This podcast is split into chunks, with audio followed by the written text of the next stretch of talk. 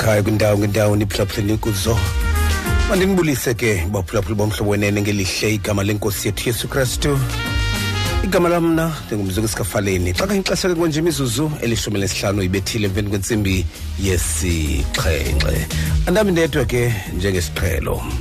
Enkosi kakhulu mfundisi mandithathe lithuba ndibulise kumphulaphuli ekhaya kumakhaya ngamakhaya kwiindawo zonke abaphulaphule bekuzo igama lam ndingunomonde kavakalisa ndiyabulisa kumzantsi afrika. Danki ke danki ke mondesi danki ke mondesi xa kunjalo ke uphetheke kakuhle ekhaya noko ewe mfura siyavuka mhlambe sitye Yes. silale sibuke Yes. mabonakude sithandaze sifunde izibhalo Mm. sizipeyinte ubuso sizizobe sizizobe Yeah. siphinde Uzikhu- siyiphinde ke loo ya nto leyo. uzikhumbuza mane uzikhumbuza ngoba khe ndizilibele Khumbuze. Dandi- dandidla Dandidla- ndinjani dandi- dandikade Ya. ndinjani na? ya dandikade Ya. ndinjani siyabulela kakhulu ke mondesi xa kunjalo thixo uxolo ke makasiphathe ngenceba nobubele xa kunjalo ke mphulaphula umhlobo wenene sawubheka emthandazweni ke eh sawuvula ngomthandazo emva koko sibheke elizweni. Suka kwethu ke elizweni size kuwe sikwa-89 410 33 089 410 33 xa kunjalo ke singathi ukhona ke umfundisi umdingi apha emnxebeni eh wamsimawisile asemazantsi afrika. Phaya ke kwesasithili sasemount cook. Eh samcela ke umfundisi wam ukuba asikhokele ngomthandazo. Emva koko ke size elizweni ilizwi lethu ke mondesi likwincwadi ka yohane isahloko sesashumi linesithoba ivesi yamashumi mabini anesithandathu yes. Ya kulapho sikhona ke namhlanje. Mfundisi wam ukhona? Eh khona ngode eh bawo besicela usikhokele ngomthandazo. Eh Nkosi ngode masithandaze. Bawethu olungileyo Thixo wethu oyingcwele wanamandla onke Hmm. solfefe umniki nomxhasi wobomi.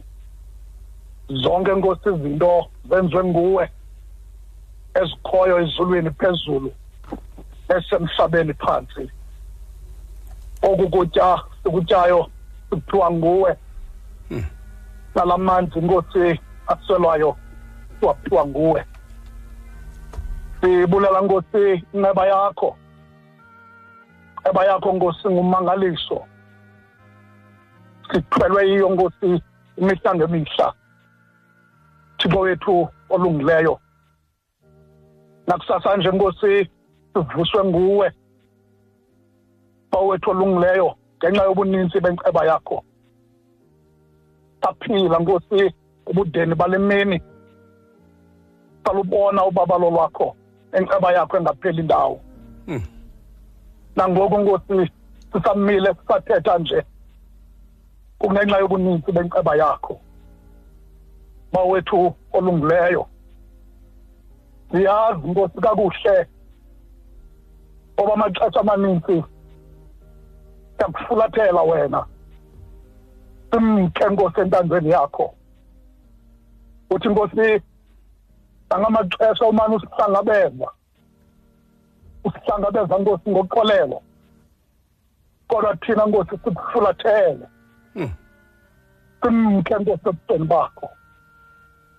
Wena kodwa nkosi thixo thongcwele ngenxa yobunguthixo nenceba. Hmm. athi umnqula inkosi walapha ekhaya inceba yakho ayipheli ndawo. Umana nkosi ulanda. Ulanda futhi emkhondweni wethu thixo wethu olungileyo. Siyakuthandaza ebusuku nje ngala maxesha nkosi axakekileyo. Maxesha nkosi angasehetanga maxesha nkosi asibangela ukoyika asivusela amaxhalala thixo wethu onenceba sondela kuwe nkosi ilizwe lonke limile thixo tengcwele isondela kuwe nkosi ihlabathi lonke oyingqondi nkosi silumko onobuchwephesha onokwazi onemali nongenayo nongenazo zonke nkosi ezi zinto emile esithi ngeli xesha nguwe wedwa onokwazi. Awu thixo wethu oyingcwele. Sibona nkosi omongameli bamazwe amazwe nkosi anobunganga phezu kwamanye amazwe bebhakiwe sibona ngcwele sibona nkosi izilumko zehlabathi sisuke nkosi abaziziyakha sikwethu oyingcwele sibona amadoda nkosi anembali sikwethu olungileyo senginiswa nkosi nezixesha ixesha nkosi elingabhwalo owethu olungileyo nasebusuku nje nkosi siza kuwe.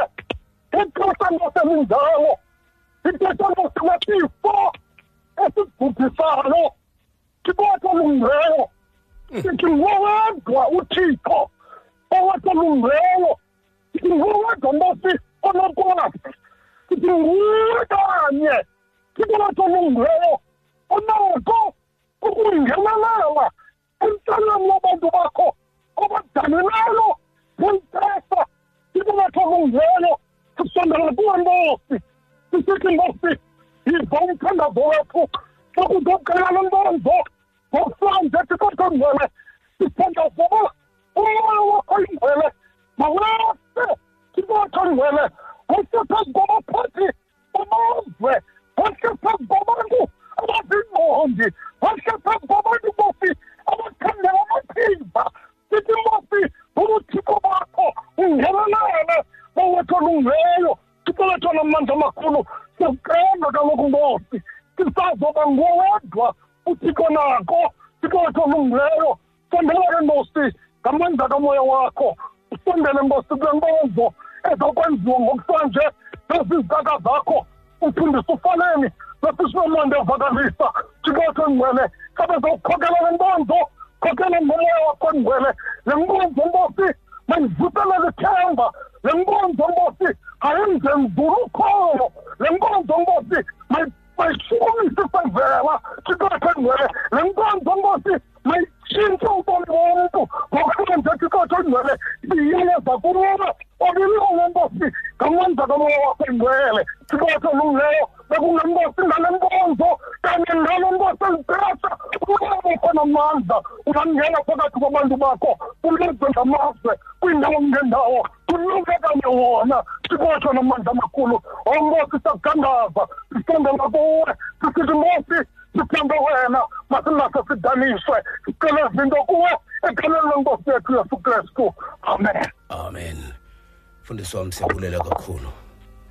simbonde Nkosi Ngosibawu. Nkosi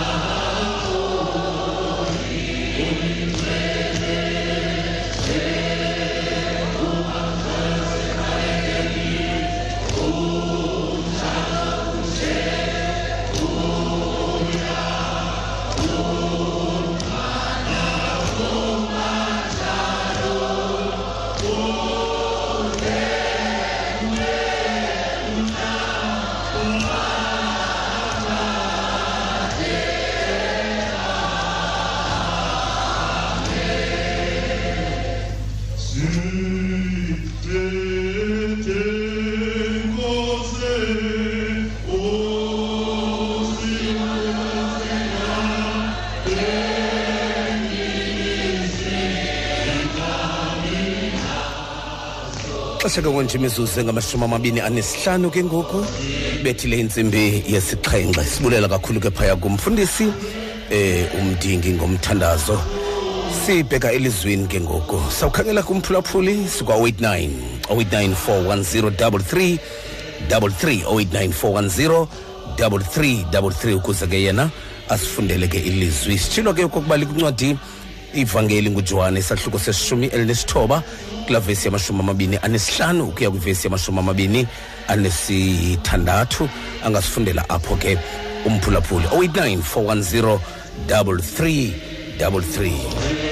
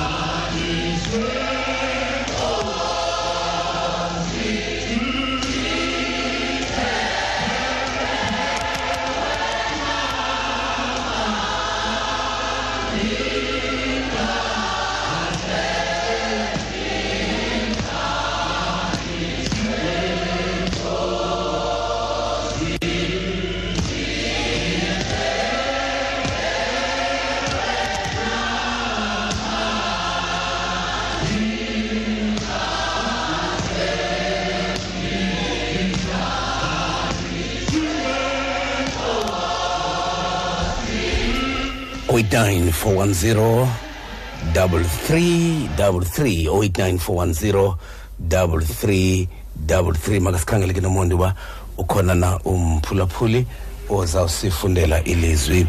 Sikumhlawumbi umoleni ekhaya? Molweni tata mfundisi kunjani? Siyaphila baba njani nekhaya? Yaphila nami nkosi. Aphila nothulani bizweni apha esites. Molweni thulane um maselifumane ke ilizwi lenu njengoba libhaliwe kule vangeli kajohane. Mm. Sahluko esikhulu lishumi linethoba sowuqala phaa kwishumi nesihlanu siyothintelwa phaa kwishumi kumashumi amabini anesihlanu siyothintelwa ngamashumi amabini anesithandathu Hmm. kwakumi ke ngasemnqamlezweni kayesu unina nomsakubo bonina umariya um- umkaqriyopa nomariya wasemagadala. Verse 26 uyesu ngoko akumbona unina naye umfundi abemthanda emi khona. Uthe kuye u- unina mfazi nanko unyana wakho inkosi ehlala emvuleni mayisikelele ukufunda kweliphilayo lingekashunyayelwa nje ngoku nakunaphakade amen. Amen. Nkosi bawa nkosi tata siyabulela kakhulu. Thixo akuphatheke inceba xa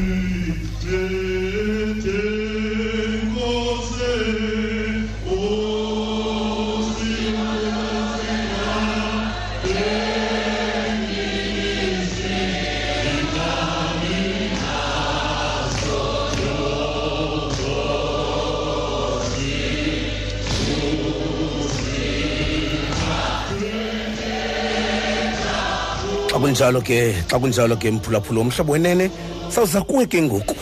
Sawuza kuwe ke ngoku ngeli lizwi sawuza kuwe ke ngeli lizwi namhlanje. Uyesu ngoko akumbona unina. Saw- sawuza kuwe ke ngoku mphulaphula umhlobo wenene. Eh akumbona unina uyesu ke ngoko. Naye umfundi ebemthanda emikhona uthi kuye unina mfazi nanko unyana wakho. Andule athi kumfundi lowo nanko unyoko.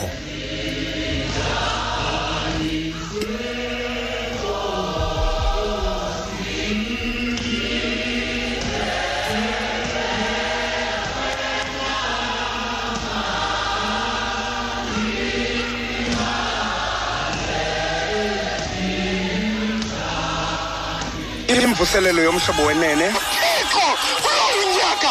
Makakufuthumalise nawe. Rhoqo ngecawe intsimbi yesixhenxe malanga. Ukuya kwintsimbi yesithoba. Uyamkhulula umntu nokuba xa ilizwa njengezikwiti kunye nomfundisi ufaleni. Kwakunye nonomonde vakalisa ngeli xesha ukhwazayo uthi mnqanda thixo ndayindibeke iinto zokuzibulala apha xa kwam ndisithi ndiyazixhoma ndaqonda uba ulijongile ngelo xesha. Rhoqo ngecawe intsimbi yesixhenxe malanga. Ukuya kwintsimbi yesithoba. Ungamnqami umhlobo wakho kumaxesha onke 88 to 106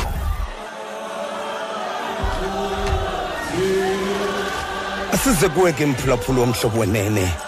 Size kuwe ke asize kuwe ke ngolo hlobo. 089 410 33 33 089 410 33 33 apho sikhona uku- ukuyicacisa nje apho sikhona mphulaphula womhlobo wenene.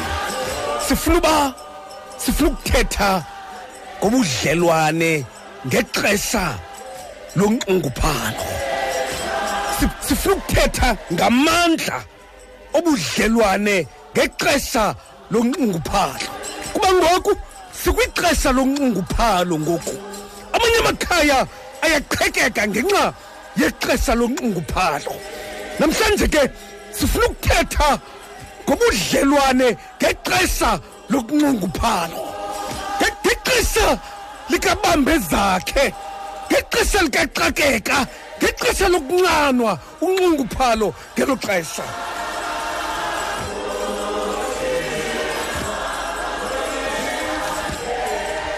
Si- sifuna ukuthetha ngolo hlobo baphulaphuli bomhlobo wenene. Si- si- si- sikwikhaya lakho ngexesha lokunxunguphalo kuba ngeli xesha lonxunguphalo amanye amakhaya ajongisa umetyiso ezantsi. Sifuna ukukhangela ke ubudlelwane ngexesha lonxunguphalo nankuyesu nomariya be be bebambe ityathanga lobudlelwane ngexesha lonxunguphalo athi uyesu esopha. Ekwixesha lonxunguphalo uthi umbhali akumkhangela unina ngexesha lonxunguphalo awu madoda lixesha lokuhlangana eli. Lixesha lokuhlangana lixesha lokuphakama kobudlelwane ngexesha lokunxunguphala athunyela amadinga esopha kodwa uthi umbhali wanamandla ngexesha lonxunguphalo wamkhangela unina. Akumjonga unina wathi mfazi nanko unyana wakho ngexesha lonxunguphalo. Amadoda komelela ubudlelwano ngexesha lokunxunguphalo ixesha lokunxunguphalo li- liqutha ubudlelwane. Kodwa umariya noyesu basifundisa uba lo gama irhele. Lisephangweni likayesu kodwa alabuqutha ubudlelwano ngexesha lokunxunguphalo ewethu sikhangela ikhaya lakho ngexesha lokunxunguphalo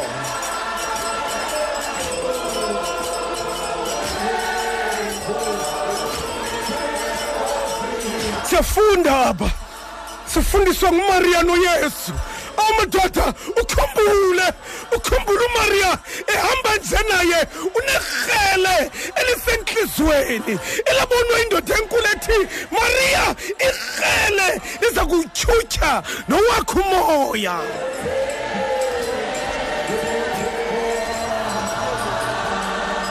Ngolo hlobo ke ngolo hlobo ke mphulaphula womhlobo wenene sizawuza kuwe ke ngoku. Sawuza kuwe ke ngoku. Awu ngexesha ikhaya lakho ngexesha lokunxunguphato ngexesha lokunqunguphalo umaria ndithe kuwe unerhele elisentliziyweni ayithe indoda enkulu kuye emaria irhele xa lihlaba kuyesu. Elaa rhele lizawuhlaba nakuyakho intliziyo kodwa elo rhele linjalo alabi namandla akuqhawula ubudlelwane ngexesha lokunqunguphalo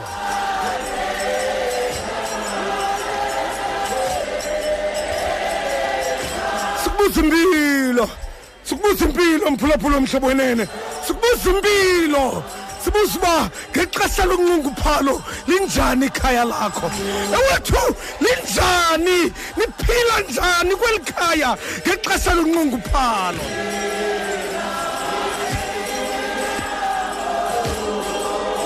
akwaba uthixo.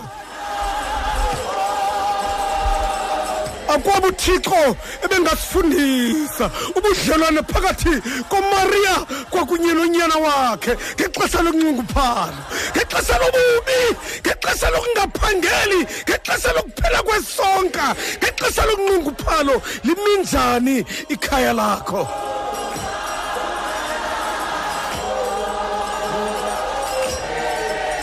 Xa siqukumbela phulaphula womhlobo wenene.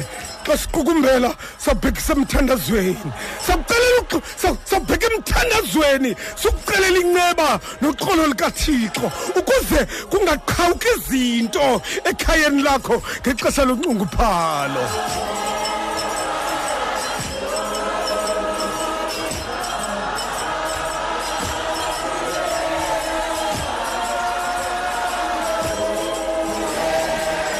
kwakumi kwakumi ngasemnqamlezweni kuyesu unina umsakwabo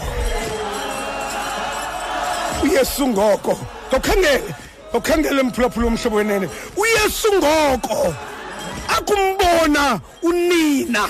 Awumadoda usengunina. Ewethu kule ndlu yakho kusekho inkosikazi. Ngexesha lonqunguphalo kusekho indoda engutata wekhaya nomama ongumama wekhaya. Ngexesha lonqunguphalo azikaphele ezo zinto. Noba ukutya kukho kodwa azikaphele ezo zinto. Akumbona uyesu unina. Awumadoda azatshintsha izinto. Ngexesha lonqunguphalo azatshintsha izinto. Awumadoda um ziyatshintsha kwamanye amakhaya. Xa kuthethwayo kuthiwa lo yena babizana ngezimelabizo zoqobo. Ziyatshintsha izinto emakhaya. Ngexesha lokunqunguphalo nangumbuzo make siyifunde baphulaphula bomhlobo wenene make siphinde siyifunde make siphinde siyifunde ndizoza kuni ke ngoku. Make siphinde siyifunde ndizoza kuni ke ngoku. Uyesu ngoko. Amadoda isingathi lo ngoko isingathi lo ngoko ibiyikhwenye into ibikhona isingathi ungoko lo uchaza uba ikhona into esivela kuyo kodwa emva kwayo ngoko. Akumbona ke ngoku. Unina awumadoda akumbona unina. Naye umfundi ebemthanda.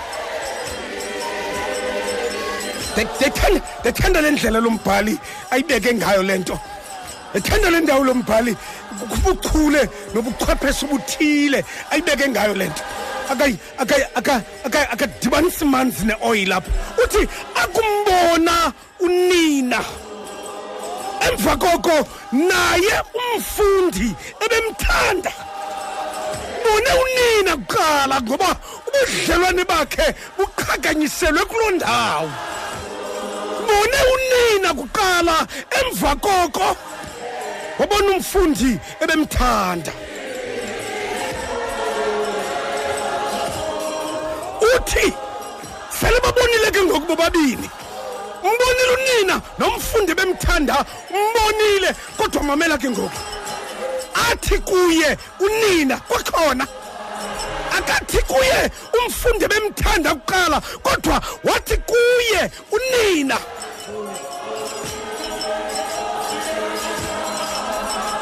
Mfazi nanko unyana wakho. Mfazi nanku unyana wakho. Andule ke ngoku. Andule ke ngoku athi kumfundi lowo nanko unyoko. Bazalwane nodade. Makukhuthaza ubudlelwane.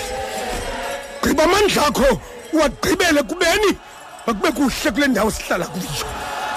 Ngoba amandla akho ngexesha lonqunguphalo ewethu sikwixesha lonqunguphalo amandla akho wagqibele kubeni. Kube kuhle kule ndawo uhlala kuyo ngoba sikwixesha lonqunguphalo sikumhlobo molweni ekhaya. Sikumhlobo molweni ekhaya molweni mfundisi molo bawo molweni mfundisi molo bawo kunjani mfundisi siyaphila tata njani ekhaya ah sigcinakele noko uthetha nomhlwazi mbasa apha phezu kwentaba etafile entshona koloni. Mm. eh ndiyaliva mfundisi ilizwi lakho. Mm. apha siboniswa ubudlelwane phakathi komariya Maria. Ukhona bawo Hmm.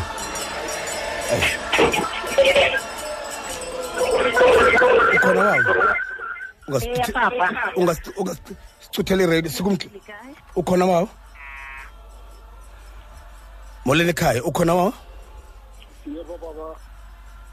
ukhona bawo Mfundisi kudiko ke okhulumayo la. molo bawo Yebo tata. Mm. I'm phoning from Bloemfontein. molo bawo Yebo tata. All right, what what what I receive from from the message tonight is it is something very wonderful in my life. Whereby we heard from the book of John when Jesus was standing and the family standing close to the cross and his mother and his mother's sister, Mary hmm. and uh, uh, the wife of Cleopas and Mary Magdalena. When Jesus saw his mother and his disciples, whom he loves, stand, standing nearby, he said to the father, to the mother, "Woman, behold your son." Amen. amen What- when the scripture tells me this, that uh, it, it, it, triggers something into my spirit because the Spirit of God actually reveals things to us by asking ourselves, as things are like this now in the whole world of Christ Jesus, what are we doing as children of God?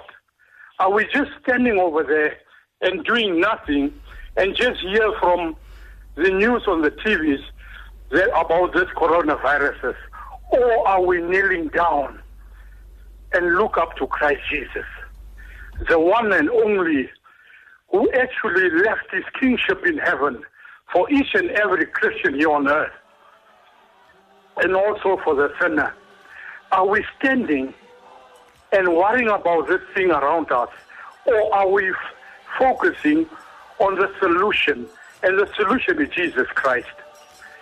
Tonight, when I'm sitting with my wife and children around me, this is a time when we had to pray and ask God, say, Lord God, yes, you say it in your holy word that there will be a time when it comes, there will be a lot of sicknesses and challenges that we are going to face. People will say that is the end time, but it won't be the end time yet. Hmm. Because he knows it's end time. And it's only he himself, God the Father, the Father of Jesus Christ, who knows everything. Baba Faleni, bawo I, I really, it's my very, very first time engiphumelela khona lapha kule radio. I tried every single Sunday. And, uh, I tried everything, but I failed. But tonight, Jesus opened the doors for me. nkosi bawo siyabulela kakhulu Ndiyabulela na baba no no no No, no sis- sisi lapha ngaphakathi. Unkulunkulu anibusise ngolo msebenzi omkhulu eniyenzayo. Nkosibawo ngoba siyabulela. asithina sodwa esitholayo. Izwe lonke layithola lezwi. Siyabulela bawo unkulunkulu kakhulu. animise baba lapha enta- e- e- entabeni animise.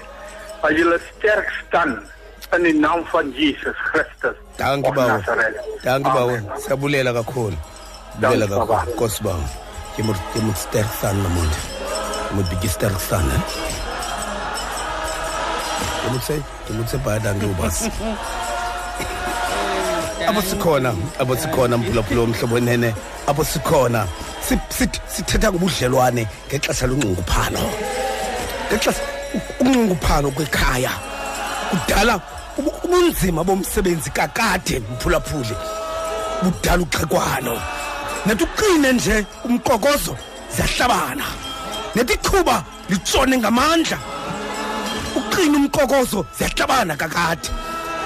Ubona uba ityala enye icinga uba ayitsale enye nenye icinga uba enye ayitsali kanti ubunzima bomsebenzi obudala uxhekwano apho sikhona sithi ubudlelwane ngexesha lunxunguphalo sikumhlobo molweni ekhaya molweni tata kunjani? Siyaphila bawoni njani ekhaya siyaphila um ngokanceke phantsi komfundisi umasikano andisile emaritzburg um uyesu ngoko akumbona unina. Naye umfundi ebemthanda eme khona. Uthi kuye unina mfazi nanko unyana wakho. Andule athi umfundi lo nanko unyoko. Eh apha tata kubonakaliswa unxibelelwano lwabantu abazanayo abakhathaleleyo. Ewe bawo. Eh kunamaxesha ke tata ucimba fani babantu yabazi unobudlelwane nabo. Hmm. uthi apha ekuhambeni kwendlela kuqha ukujiwa tata so apha umbhali namhlanje waba izitya Kwa- kwabiwa izitya apha tata ngoba kunamaxesha amnandi namaxesha amabo kulila ukhona tata? Ndikho bawo. Ndikho? Ku- kunamaxesha. Ndikho?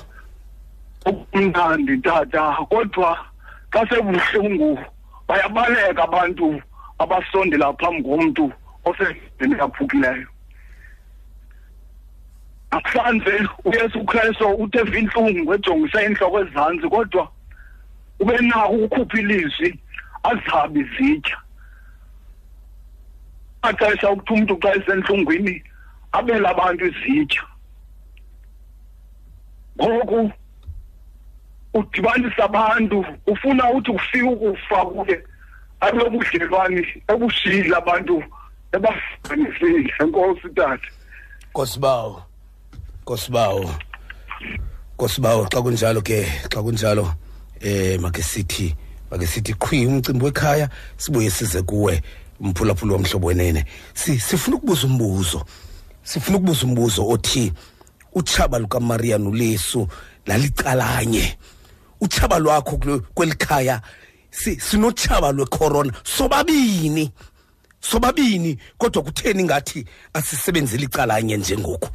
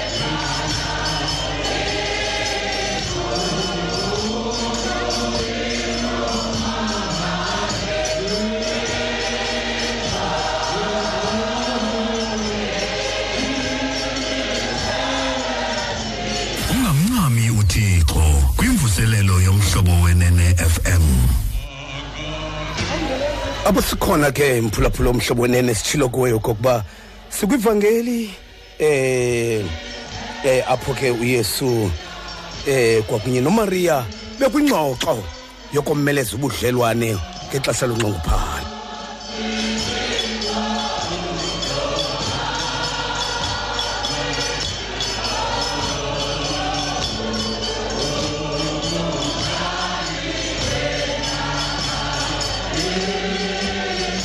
Make sikhangela umphulaphuli sikumhlobo molini ekhaya. Molweni mfundisi ninjani? Siyaphila bawo ninjani nekhaya? Ja kuhle bawo. Mm. dit gaan goed ek het net gevra vir die teks vir mfundisi ek het nie gehoor oh si- waar hy is nie sikwincwadi kajohane isahluko seshumi elinesithoba kula vesi yamashumi amabini anesithandathu eh 26 and 25 and 26 eh ujohane isahluko seshumi elinesithoba. Baie baie dankie mfundisi. Baie dankie baie dankie bawo baie dankie bawo Dis wat- baie dankie bawo baie dankie bawo Hmm. baie dankie bawo yabomba yabomba eh yabomba ndandike ndava ndandike ndava ndandike ndava mondiso ukuba eh, umphathi womhlobo uMr Mncisithi eh kukho kukho uphando lonziweyo lokuba eh kukhona abaphulaphuli bethu abakhulayo kakhulu abentetho yesafrikaans ya ikathiwa abanzima ke ngoku? Abanzima ke nomondi ke ngoku? Ke mo ke mo yo kopo nomondi ke mo yo kopo ya zaba zaba nzima. Zaba nzima ngoku. Bayidangi bayidangi bayidangi ya ya ke mo yo kopo bayidangi ya kubi ngoku. Xa sekonje imizuzu emihlanu ibethile emveni kwintsimbi eh kubetha intsimbi yesibhozo. Phaya kwintsimbi yesibhozo sawubheka ezindabeni. Kodwa apho sikhona mphulaphula omhlobo wenene. Apho sikhona mphulaphula omhlobo wenene mandikufundele mandikufundele mandikufundele. Sikhuthaza ubudlelwano. Sibuza uba ngexesha lonqunguphalo nilwela ntoni kweli khaya. Sibuza loo nto. Sibuza uba ngexesha lonqunguphalo nilwela ntoni kweli khaya ngexesha lonqunguphalo kodwa umaria noyesu basifundisa loo nto oba ngexesha lonqunguphalo kuyabanjwana. Siba ngabafela ndawonye ngexesha lonqunguphalo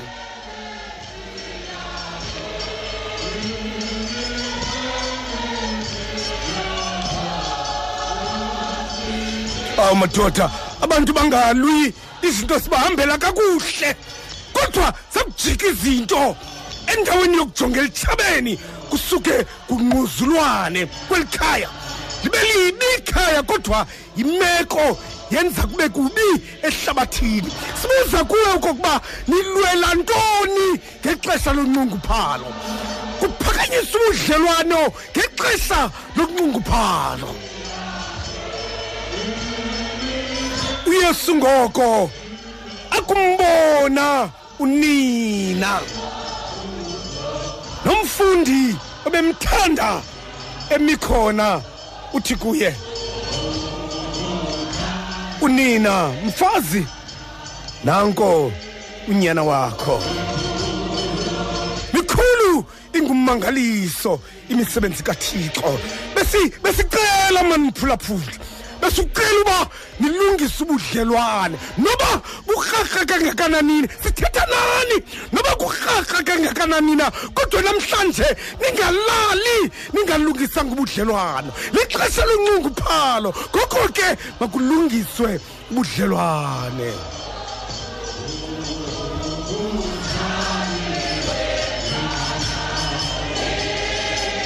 Awu mphulaphuli. Si sifuna namhlanje uza zamunako man.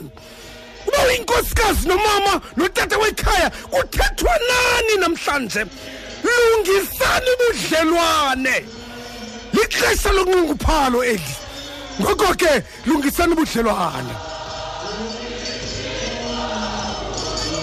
Awu madoda umaria ebheka kuyesu ethi enekrele entliziyweni yakhe noyesu enekrele entliziyweni yakhe. Kodwa ngalo lonke lo xesha kwalungisa ubudlelwano. Wathi uyesu emjongile umaria wathi kuye mfazi nanku unyana wakho lixesha lixesha lokucelana lokucelana uxolo lixesha lokucelana uqo- uxolo ngoba bekungafanelekanga uba imeko yethu inje ngexesha lonxunguphalo.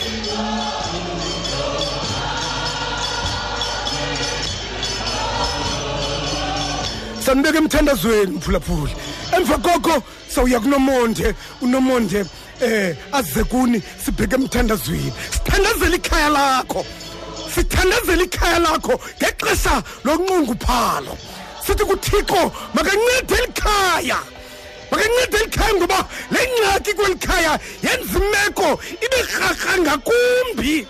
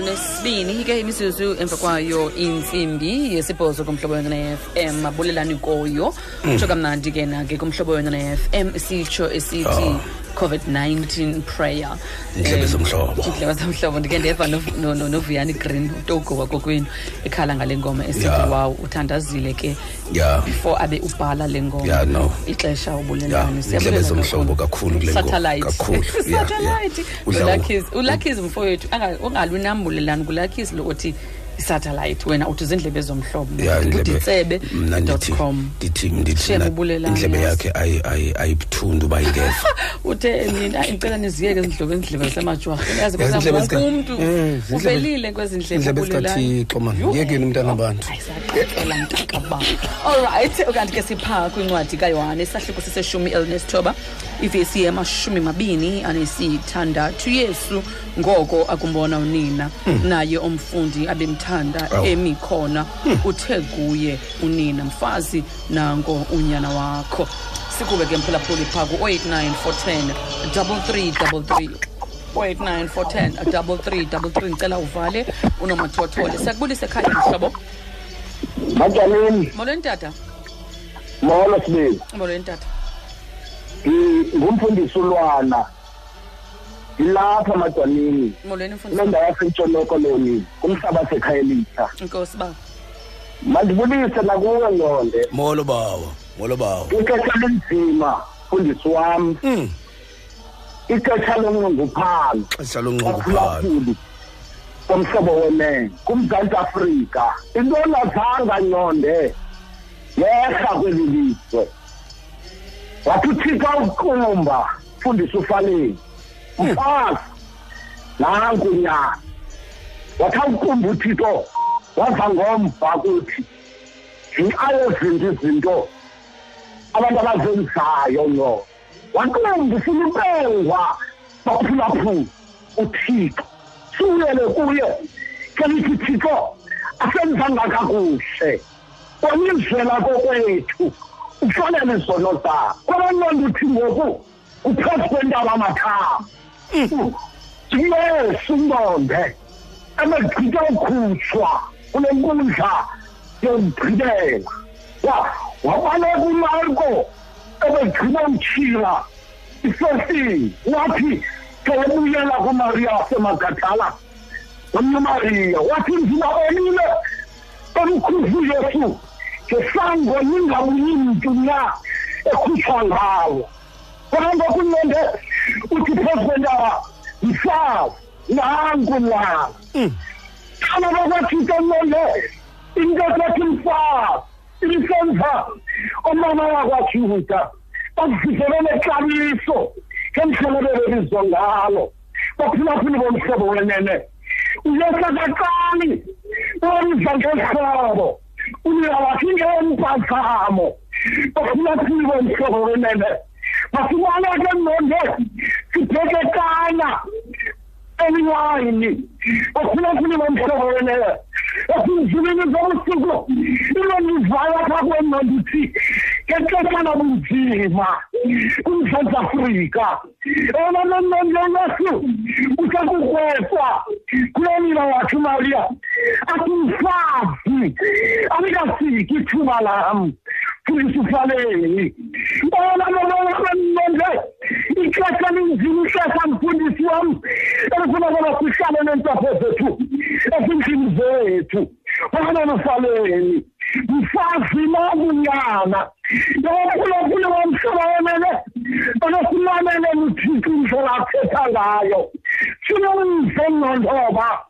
nontoba ufuna babasemthethweni kathixo bananofaleni konke baphulaphuli bomhlobo wemene kwazephina banelwam kolononde enananiyibulelayo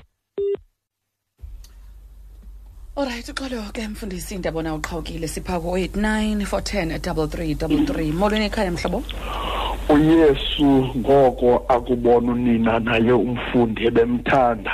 Uthi kuye unina mfazi nanko unyana wakhe. Mm. manibulisa nomonde molweni bhuti nawuba ufalile. Molo ba. Abantu abakwazi ulitolika bathi abakwaziyo ukulitolika eli lizwi eli kusemveni kwesithembiso phakathi kwebhade. Nonyana womntu U- uyesu usondeza u- umzala umzalwane wakhe apha kunina. Okokokuba ayazi okokokuba akamshiyanga yedwa umshiye nantoni? Nomoya oyingcwele. Makabongule yesu uba ufaleni masha amazwi akho tata ndiyabulela. Abongile tsole wedele nkosi tata. Nkosi kakhulu ke bhuti wedele carltonville. Sibulisile kuwe ekhaya mhlobo molo molweni ekhaya mhlobo? Molweni, ma. molweni bhuti. Um sisimonde noba ufaleni kunjani sisi Mm, bhuti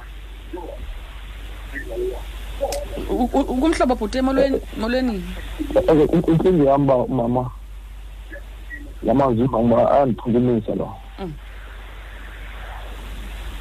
ngoba lixesha elilini lixesha elibuhlungu Mm. eliyesu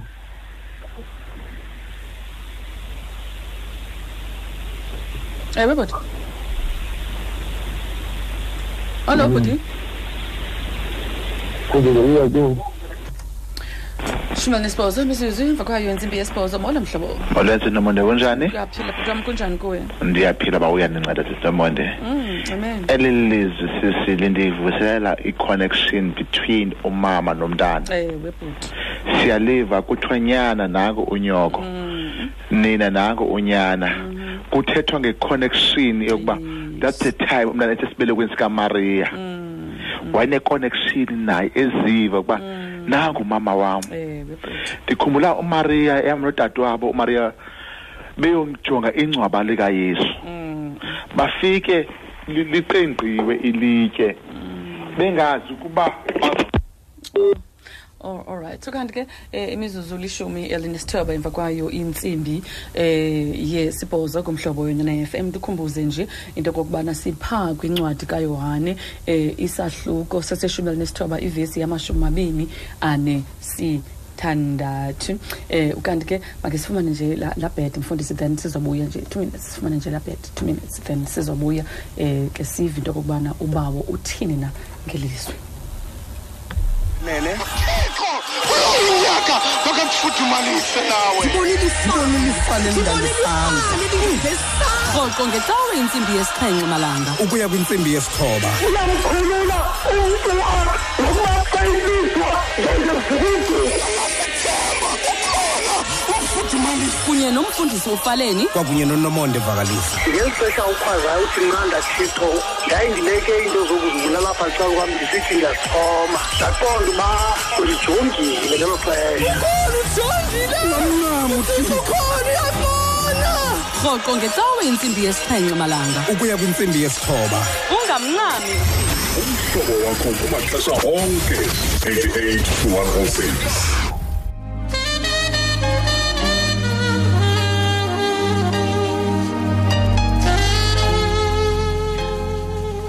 ngamashumi mabini. Imizuzu emva kwayo insimbi yesibhozo sikhawulezile nje mphulaphuli kwincwadi kayohane isahluko seseshumi elinesibhozo ivesi yamashumi mabini anesithandathu. Sebehlomlile abaphulaphuli eh, uhlahlileke eh, indlela umfundisi ufaleni. Eh, ukanti ke siyalazi lilizwi balilizwi njengokosuke epasikeni lilizwi lesithathu kumazwi asixhenxe. Ukubethelela kwayesu emnqamlezweni. Lenye lamazwi ke awawathethayo. Sibona ke apha uyohane enikezwa uxanduvo lokuhoya um umariya ongunina ngexesha lokuzila. Ebunzimeni ke um ezintlungwini uyesu awayekuzo uthe ke akumbona. Ndithena le ndawo ethi akumbona. Akumbona. akumbona nje Emva unina. koba emjongile wavukelwa ukubana wabona. wam- makamyaleze akumbona unina. Ucinge um phambi komyaleza umjongile wacinga into okokubana apha suka khona wacinga uba ngumama wam lona. Wacinga emkhulisa wacinga emkhathalele wacinga embeleka emondla wacinga iintsuku awayemane eselusana okanye mhlawumbi esakhula emane ebalekela kuye njengomzali emkhusele.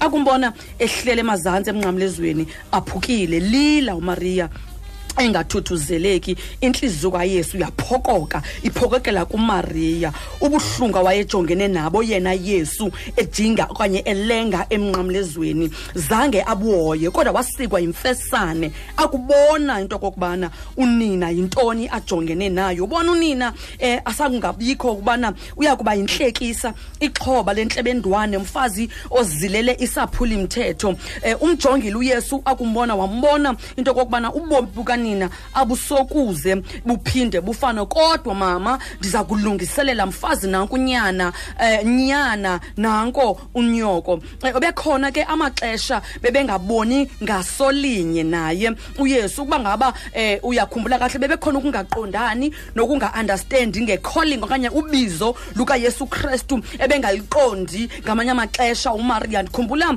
emtshatweni wasekana lingekafiki ixesha. Umariya uyamnyanzela uyesu uthi khawutshintshe nanka amanzi abe yiwayini uthi alikafiki ixesha. Kodwa kwanyanzeleka makathobele ngoba unina uthethile kodwa engafuni kube khona ixesha. Apho wayeke wangakholelwa ngabafundi bakhe okanye mandithi abazalwane bakhe bengamkholwa uyesu namandla awayekuwo bem- be- bebeqonda ubana abayiqondi kakuhle indaba akuyo akhona amaxesha. Apho uyesu kuthiwa wa- wa- wa- abazali bakhe baye baya beyomlanda kwisiganeko wayesenza ephilisa abantu eqokelela abafundi bakhe baze bathi inene lona ushiywa zingqondo kodwa ngelaa xesha uyesu ejinga emnqamlezweni akubona unina kwavuka into ethi kanene ngumzali wam lo kanene ndikhulisiwe ngulo mntu kanene undenze ndaba kule ndaba ngulo mntu endinguye. Nokuba nje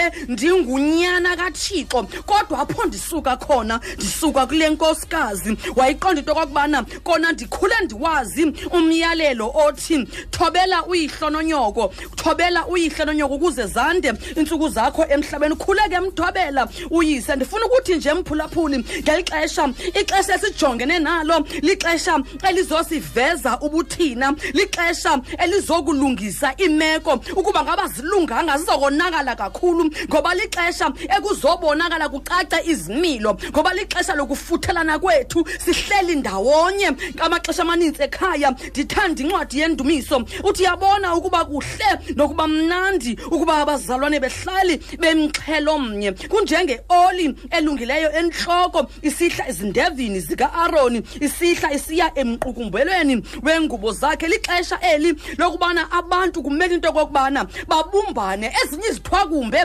ziyafika kwiintsapho ziziqhekeze ukanti ezinye izithwakumbe ziyafika kwiintsapho zidibanise. Eli xesha lizokuveza ubuhlobo benene. Esi sithwakumbe sizokuveza abantu abanomonde uthando lokwenyani phakathi kwesithwakumbe ngoba kwisithwakumbe uyesu owayijongene naso kwavuka ibond between yena nonina. Ukanti kwixesha esijongene nalo ukulahleka kwengeniso ukulahleka kwemisebenzi ukungabikho kwemali ukuba ngabi isiseko samakhaya sikwizinto eziphathekayo loo mizi izawudilika. Ukuba ngaba uthando nokomelela kwamakhaya kusezintweni eziphathekayo kuxhomekeke kwimi- kwi- kwimirholo engenayo kuxhomekeke kuxhomekeke kukuma kweshishini kuxhomekeke kwi-source of income. Kulapho kuzawubonakala mfundisi nawuyamphulaphula ekhaya ukuma kwamakhaya ngeli xesha ngoba intlungu yesu awayijongene nayo akujonga unina yenza kwavuka ubudlelwane yenza komelela ubuhlobo yenza kwavuka ibhondi kodwa uyesu yena uthe akubona unina akujongana nonina wasikwa yimfesane. Kunabantu abathi bakubona umntu ekuncunguphaleni batshintsha indlela bebehamba ngayo kunabantu abakubone befowunelwa ngumntu osengxakini bangabambi naloo minxeba. Kukhona abantu abatshintsha indlela okanye bazimele kuthiwa makuthiwa bekho kuba bediwe kukunceda abanye abantu. Kunabantu abathi bakubona abazali babo kuthi fixi kanti ngalo mzuzu kuziswe ubumbano kuzawuxhomekeka. Into okokubana ubuthando lwakho ubumthanda okanye umxhasa ngenene na isithwakumbe esijongene naso sizoveza ibhondi phakathi kwabazali nabantwana sizoveza ibhondi phakathi kweefamilies izoveza isapoti izoveza iunithi ukuba zikhona intanda zizawuncibeka ngenxa Ewe. yeyunithi ukuba ngaba zikhona intando izawudilika imizi ngenxa yongabikho kweyunithi akumbona uyesu nina akazange alahla amehlo akazange angakwazi nokumjonga kodwa akudibanisa amehlo kwavuka ibhondi laa bhonde yavuka ngenye imini. Umariya akungena emzini kaelizabhethe zithi izibhalo laxhuma usana kuelizabhethe wasuka wamnqula wathi usikelelwe mfazi onguwe.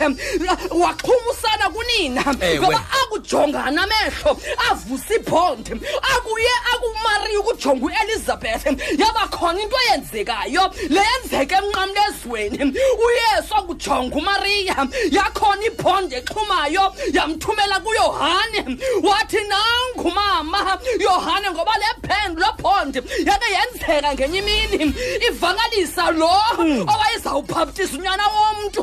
Lo owayezobabaza ukuza konana womntu. Lo owayezobabaza ukuza kalozi sukukhanyisa sibona lo bond namhlanje. Uyesu semnqamlezweni umariya ehlele ezantsi elila. Kodwa yavuka ibhondi. Amehlo. Akudibana kwakhona uqhagamshelwane uqhagamshelwane olake lakhona phakathi komariya noelizabeth. Bedityaniswa kukhulelwa ingulowo ekhulela umbhaptisi ingulowo ekhulela ozawuzisa udaba oluthi ekuqaleni wayekhona ulizwi ulizwi wayenguthixo ulizwi wasuka kukukhanya kwasuka ukukhanya kwangoluqiqela ubumnyama yiloo bond ke leyo yadibanisa yena umariya noelizabeth. Siyayibona ke futhi. Ukwenzeka kwaloo bond kwakhona xa uyesu ebona unina wakhumbula uba ikhona ibhondi ayake yenzeka ngaphambili esi sithwakumbi esijongene naso. Sizovuselela ibhonzo okanye uqhagamshelele kwii-families sizodibanisa amakhaya ophukileyo sizodibanisa imitshato esecicini lokuqhekeka izodibanisa amakhaya nabantu ekudala bengathethisani. Ukuba nje uyalithobela ilizwi likathixo uthi somandla kwesi sithwakumbe yintoni ofuna ndiyifunde kwesi sithwakumbe yintoni ofuna ndiyichole kwesi sithwakumbe yintoni ofuna ndihambe nayo kwesi sithwakumbe leliphi ityathanga ozoliqhawula sesiphi isiqalekiso ozosiqhawula yeyiphi le case ozoyitshintsha? Itshintshe ibe yiblessing. Kwesi sithwakumbe uze nantoni? Ngoba siyazi into yokokubana kula lonke ilifu elingwevu khona umgca wesilivere kwesi sithwakumbe enkosi sizofunda ntoni? Ngoba kwawayijongene naso umariya isithwakumbe wazuza unyanda. Siyazi uba sikhona isitsho esithi uthixo akathathi into kungashiyeki into. Seluyesu esusiwe kuye kodwa uzuze unyana lo ebemthanda lo wayeke wambhaptisa ngenye imini lo wayeke wathetha izinto ezinkulu esithi lasuke lelizwi lahlala phakathi kwethu lasuke lelizwi lajika la inyama zininzi izinto abazenzayo uye- uyohane. Asakuphuma kunini esibelekweni simbona ke namhlanje.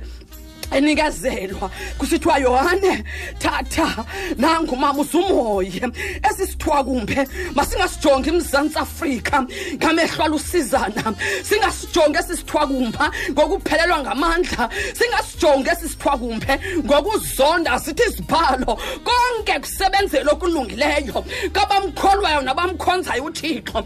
Athi abaseroma umpostile upawulosi athi ukuba uthixo ungakuthi ngubani na ongasichasayo Awu, madoda. asichaswanga nguthixo umphulaphuli. Sele sityhutshiswa kodwa sisakuze simncama uthixo. Sele sinyathelwa sizokumncama uthixo. Ngoba siyazi uthixo ikhona into ayilungisayo. Kunabantwana bebengasalwazi uthando lwabazali. Namhlanje sibona abazali bengabazali ebantwaneni babo. Kunezinto ebezisenzeka. Behlala kwi-social media sahlala ezifowunini. Kuthi sekudliwa idinala etafuleni. Ibe ngulowo ucofe yakhe ifowuni kodwa uthixo ngesisithiwa kuba uzoristora. Ii-families ngalo mzuzu ungavumi ilizwi likathixo. Likogqithe nje ithi thixo kweli xesha ndilihlele ekhaya iintsuku zingamashumi mabini anesine yintoni ofuna ndiyifunde? Yintoni ofuna ndiyizuze? Zithi zibhala kumbona uyesu ehleli unina ezantsi emnqamlezweni. Wavukelwa ngumyalezo inguthixo ngeli xesha lesithiwa kumbe angathetha imessage kuwe. Angaministarisha emphefumlweni wakho angakunikeza imessage ezobutshintsha ubomi bakho. Unaphakade akumboni uyesu. Engazange alahla amehlo. Akumbona uyesu. Wayaleza. Akumbona uyesu. Walibala ngentlungu awayijongene naye yena uyesu esemnqamlezweni. Kodwa intlungu xa zichazwa zazingapha kokuqonda. Kodwa kungqamana amehlo. Yazi mphulaphula akungqamana amehlo. Uyalibala ngentlungu uyalibala ngemivimbo uyalibala ngenkxwaleko akungqamana amehlo nawomzali wakhe. Walibala ngentshutshiso walibala ngentlungu awayijongene nazo. Kodwa waqonda wabona ikamfa likanina wamlungiselela ngokristu inkosi yethu. Amen. Amen mondesi amen. Amen.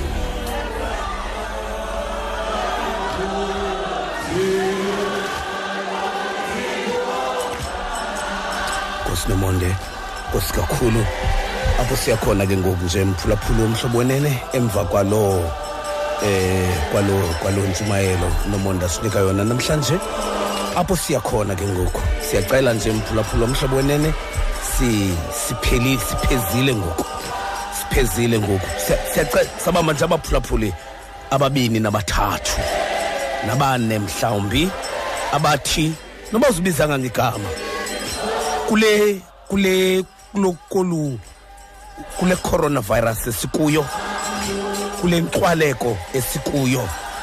Ikhaya lam liye lavuza ikhaya lam liye laba laba nethanda kuye kwaqhekeka ithanda ekhayeni lam izinto azihambe kakuhle kwelam ikhaya.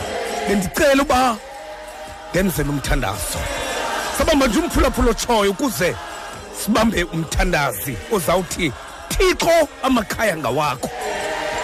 Ozawuthi nje la makhaya asekelezelwa phezu kwentendelezo yesandla sakho. Phofu akhiwa elisweni lakho lamakhaya thixo.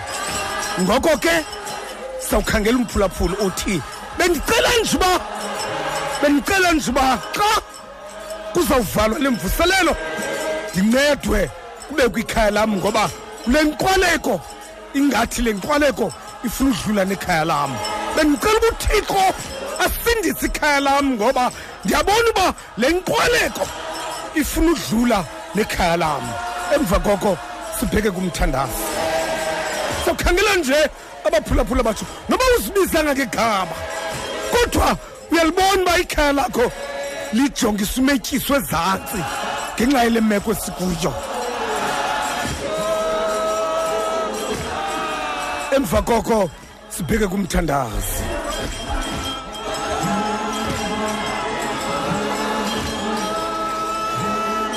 Awu madoda uba yakho uyehova indlu. Bafumana besaphuka abayakhayo. Uba uthixo akawugcini umzi.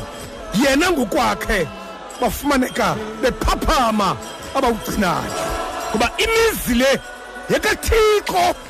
Igcinwa nguthixo yakhiwe nguthixo kunjalo nje yekathixo yomelezwa nguthixo iintsika zemizi nguthixo ngoko ke uba kayigcini ngokwakhe abayigcinayo bayaphaphama ngoko ke sizaw sawukhangela nje umphulaphula otshoyo sawukhangela nje umphulaphuli otshoyo othi bendicela njuba eh xa ku xa kushwankathelwayo lemvuselelo uthixo ancede ikhaya lam.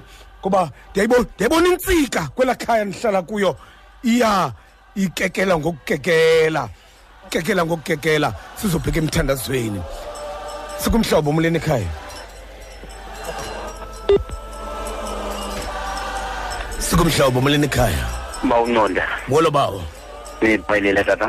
Siyaphila bawo inkosi siphethe ngenceba ndingeva kwekhaya siyaphile ngokusukuhle tata wam ndibulisela lapho nakumam nomonde mm. eh bawufaleni ndingumphulaphuli mm. ndithi mandingene tata wam ndisendabuthathaka nakwekhaya ndikulo mm. ndifuna ukuthi tata wam xa kuzayiwe emthandazweni ekuqe nam mm. nindithandazise tata wam ndikuthathaka kakhulu ingakumbi xa kuthe kwehla esi sithokombe sisehleleyo singumzantsi afrika mhlawumbe ndakomelela emveni kwalo mthandazo wenu bafaleni thixo ukuphathe ngenceba bawo Injo- injongo ilapho namhlanje. Nkosi bawo sobheka emthandazweni ke sitshilo umphulaphula omhlobo wenene.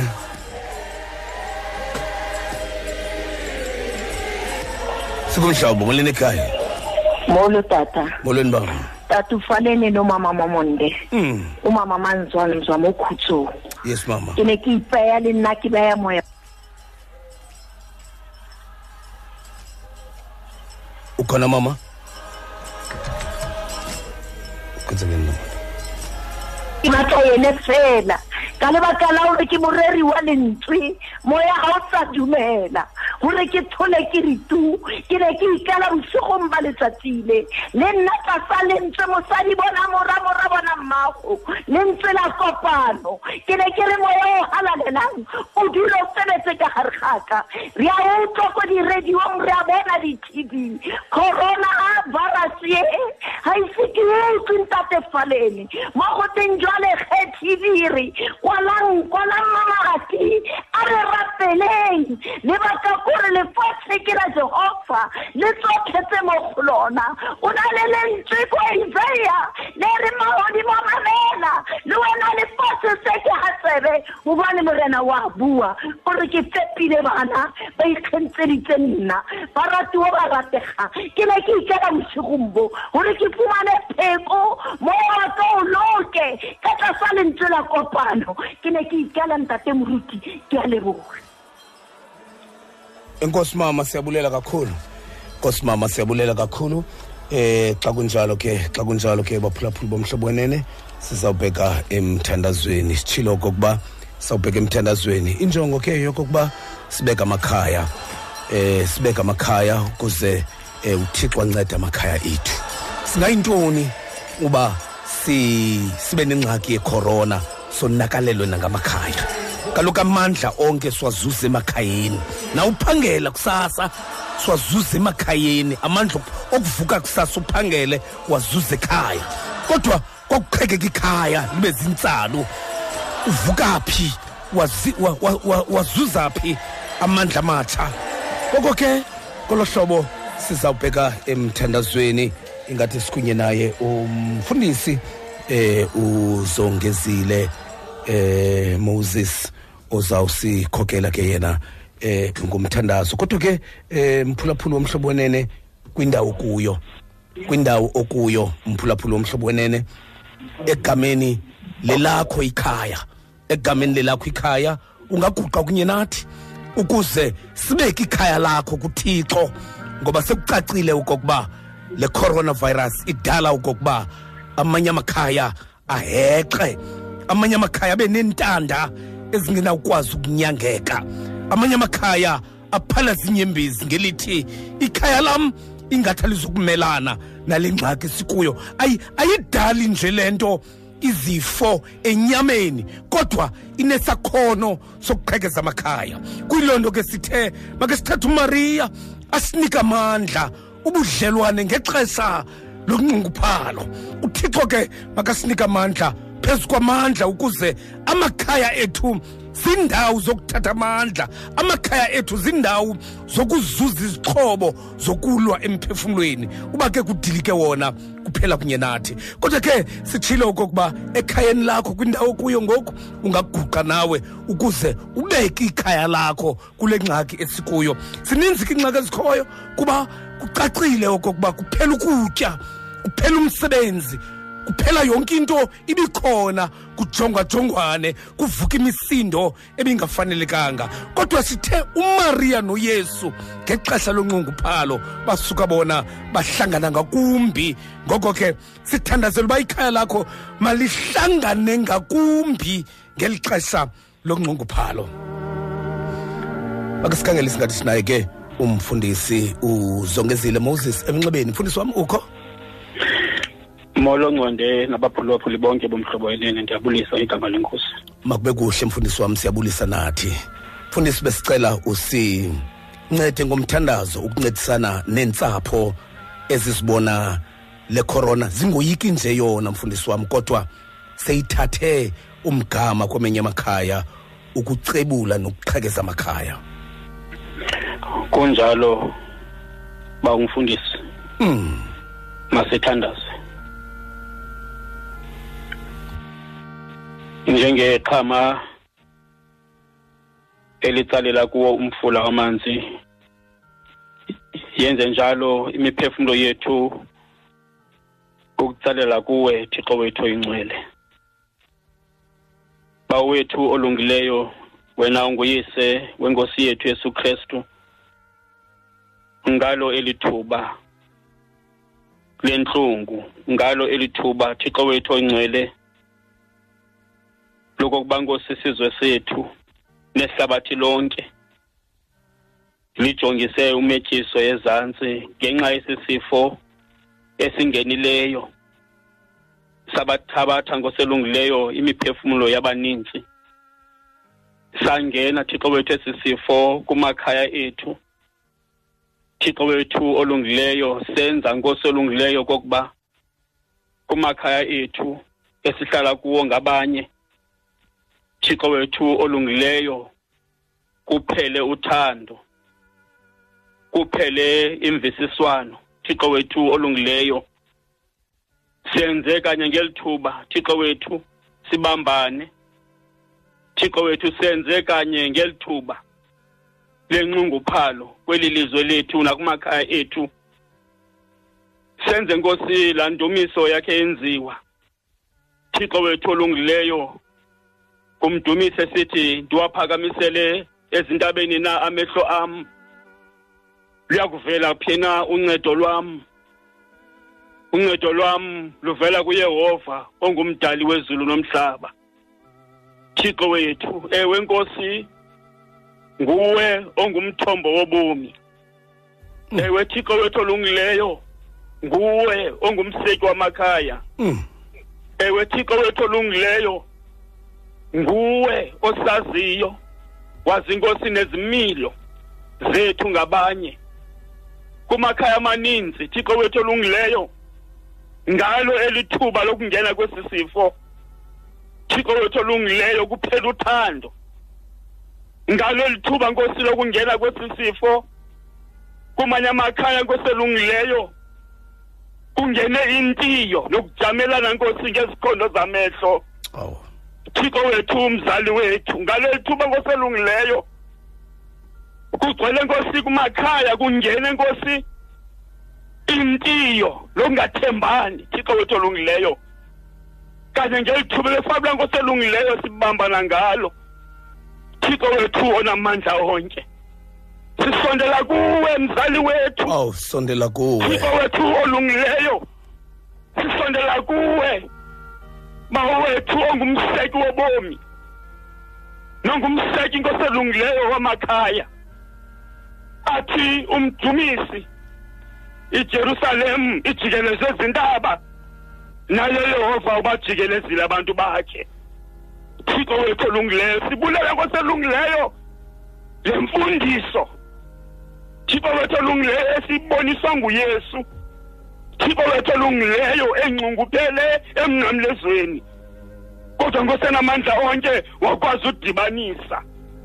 Thixo wethu olungileyo unyana nonina.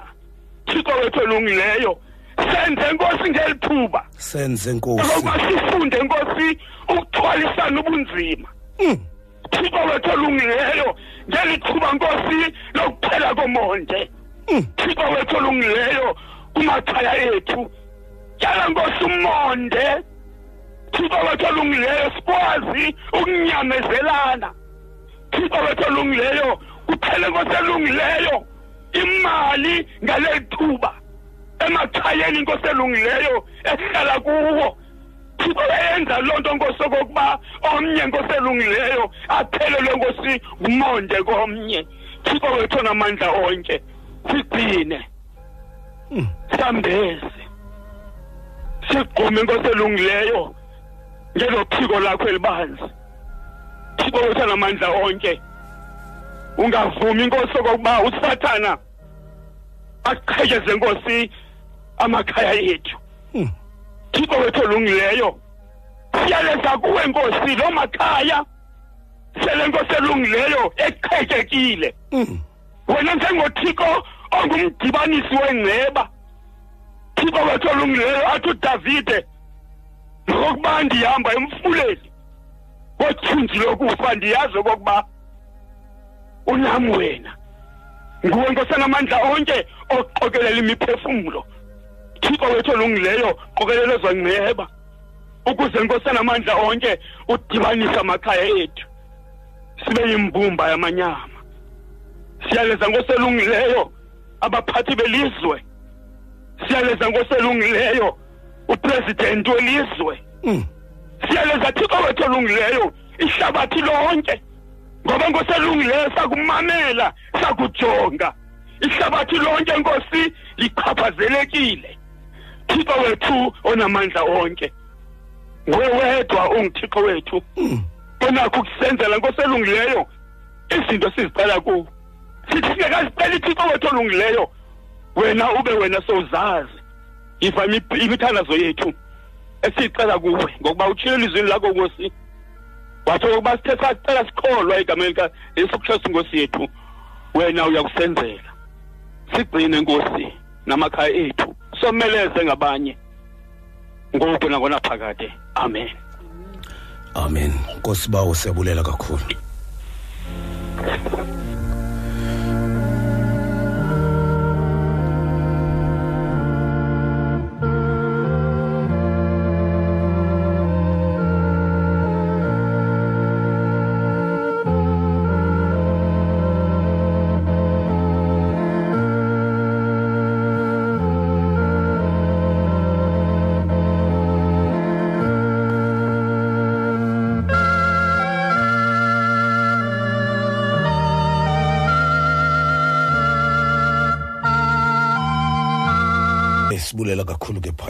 Phaya kumfundisi ngomthandazo eh umfundisi uzongezile Moses. Dla ngokuthi wena ke nomonde ngu Moses kazongezile. Ya. Kanti uzongezile ka Moses ya. Xa kunjalo ke bophulaphula bomhlobo wenene ya imvuselelo namhlanje ke injongo yayo biyokokuba eh singa asizukwazi ukulwa nale corona. Singa namakhaya aluqilima. Funeka beshushu kaloku kwelikhaya sawuhlala kulo. Kwikhaya funeka sihleli kuthiwe masihlale nemakhaya. Ngoko ke elikhaya sawuhlala kulo kufuneka libe shushu lona nakanjani na. Xa kunjalo ke mondesi eyona nto mfundisi ebesi- ebesifuna nje ukuyidlulisa kukubana phantsi koxinzelelo esijongene nalo kube khona Yes. ukunyamezelana Mm. phantsi koxinzelelo esijongene nalo kube khona ukuthandana nokubumbana. Ewe inga singa. Usake sashumayela mfundisi apha ngevesi yayisithi bekuyihlononyoko. Baye bavela ke aba- aba- aba- abantu bomzantsi afrika bethetha ngento kokubana kodwa kunzima ngamanye amaxesha ngoba kwabanye ama- emakhayeni abo baba nexabiso xa benezinto abaza nazo. Ya. ingase uthixo angangenelela ke kuloo makhaya. Amakhaya nomonde awafani afana ngentlanti. Ya ya xa ubona intlanti zonke ziround eziphaya akuthiyo kokuba wonke lo makhaya ane ane ayafana. No amakhaya anezinto ezinzima ahleli phezu kwazo. Wona amakhaya naxa wabona ngamehlo nomonde eh emahle uwajongile ungabe uthatha iconclusion. Mhm. amakhaya ahleli phezu kwezinto zawo. Namhlanje kukuwakhuthaza okokuba uthixo uyabona. Mm. zamani kube kuhle uthixo uyabona kuba ikhaya ngalinye nomonde Mm, liyitempile yabo bantu abahleli kulo injalo mfundisi so Mm. ingase kungakhona ukuqonda khona lento bafumanisa uba mhlawumbi uza babekhona ephangela esiza nemali Mm. impela nyanga ekhaya bayayibona abazali meko into okokubana injani emzantsi afrika Yeah. ngoku akusikukuthanda kwabo into okokubana ubhuti uhleli ekhaya akangenisa Yeah. imali umyeni akuhleli ekhaya akangenisa imali umama akakuhleli ekhaya akangenisa imali imeko yonke iyamchaphazela Yeah. umntu Yeah. so kweli xesha ingakunga yazi uthando mfundisi njengoku uyesu kristu wayitshilo into okokubana sendi- seyibekwe yonke imithetho kodwa uthando lona lona lwamaphambili. Uthando ligubungela inkitha yezono Yeah. ubuthathaka nobugwenxa Yeah. bethu Yeah. yanga amakhaya ngalo mzuzu angazala uthando Yeah. Eh, ilo- ngulo myalezo nje Lu- ngoba lu- into eyachukumisa Lu- uyesu lutsiba ngaphezulu nomonde lutsiba ngaphezulu Yeah. kwentlungu esijongene nazo Yeah. ngoba uyesu into eyenza into okokubana ade abe uya- uyayilibala komzuzwana intlungu ajongene nayo luthando alwavuka Mm. kuye akungqwamana amehlo akhe nonini. So umyalezo nje namhlanje ibikukubana inga singa- singa- singabambana. Yeah. sikhumbule amazwi kayesu xa esithi kubafundi bakhe ndizithethile zonke ezi zinto. Into okokubana ehlabathini nakuba nazo Imbalezelo. kodwa mna ndiloyisile ihlabathi. Okwesibini nomonde nokugqibela. Khangelelana nani mani uyabona nomonde eh uyayazi uba usisa kaphangeli ubhuti akaphangeli ngoku kule meko sikuyo. Eh abantwana bahleli eh kutata wabo nomama wabo abaphangeli bobabini eh mhlawumbi eh umakazi wabo okanye utata omncinci. Akho nto ninokuyenza na? Ukuxhasana. Lixesha lokuxhasana eli lixesha loba intsapho zizane ngemiqolo sikhangelelane ukuze kungalalwa kungatywanga kuba kungaphangelwa kwelaa cala kuba eh sizintsa kumele sibonakalise ukuqhagamishelana kwethu Mhm. ngegazi Ngegazi. ngeli xesha ixesha laloo nto ngoku loba makukhangelwane uba ingaba imeko yakho ikuphethe kanjani na. Hayi andiphethananga kakuhle kweli cala ukuze kuxhaswane. So makube njalo makhaya. I- i- into ebuhlungu ke kuthi nomonde singamadoda yile. Eh indoda nomonde ayi kunzima uphiwa into. Kunzima ukwamkela into uyiphiwa ngomnye umuntu. Ya kuba loo nto yoku ya incothu khumbula isidima sethu nomonde sihleli phezu kwentsika ethambileyo eyenziwe ngejeli.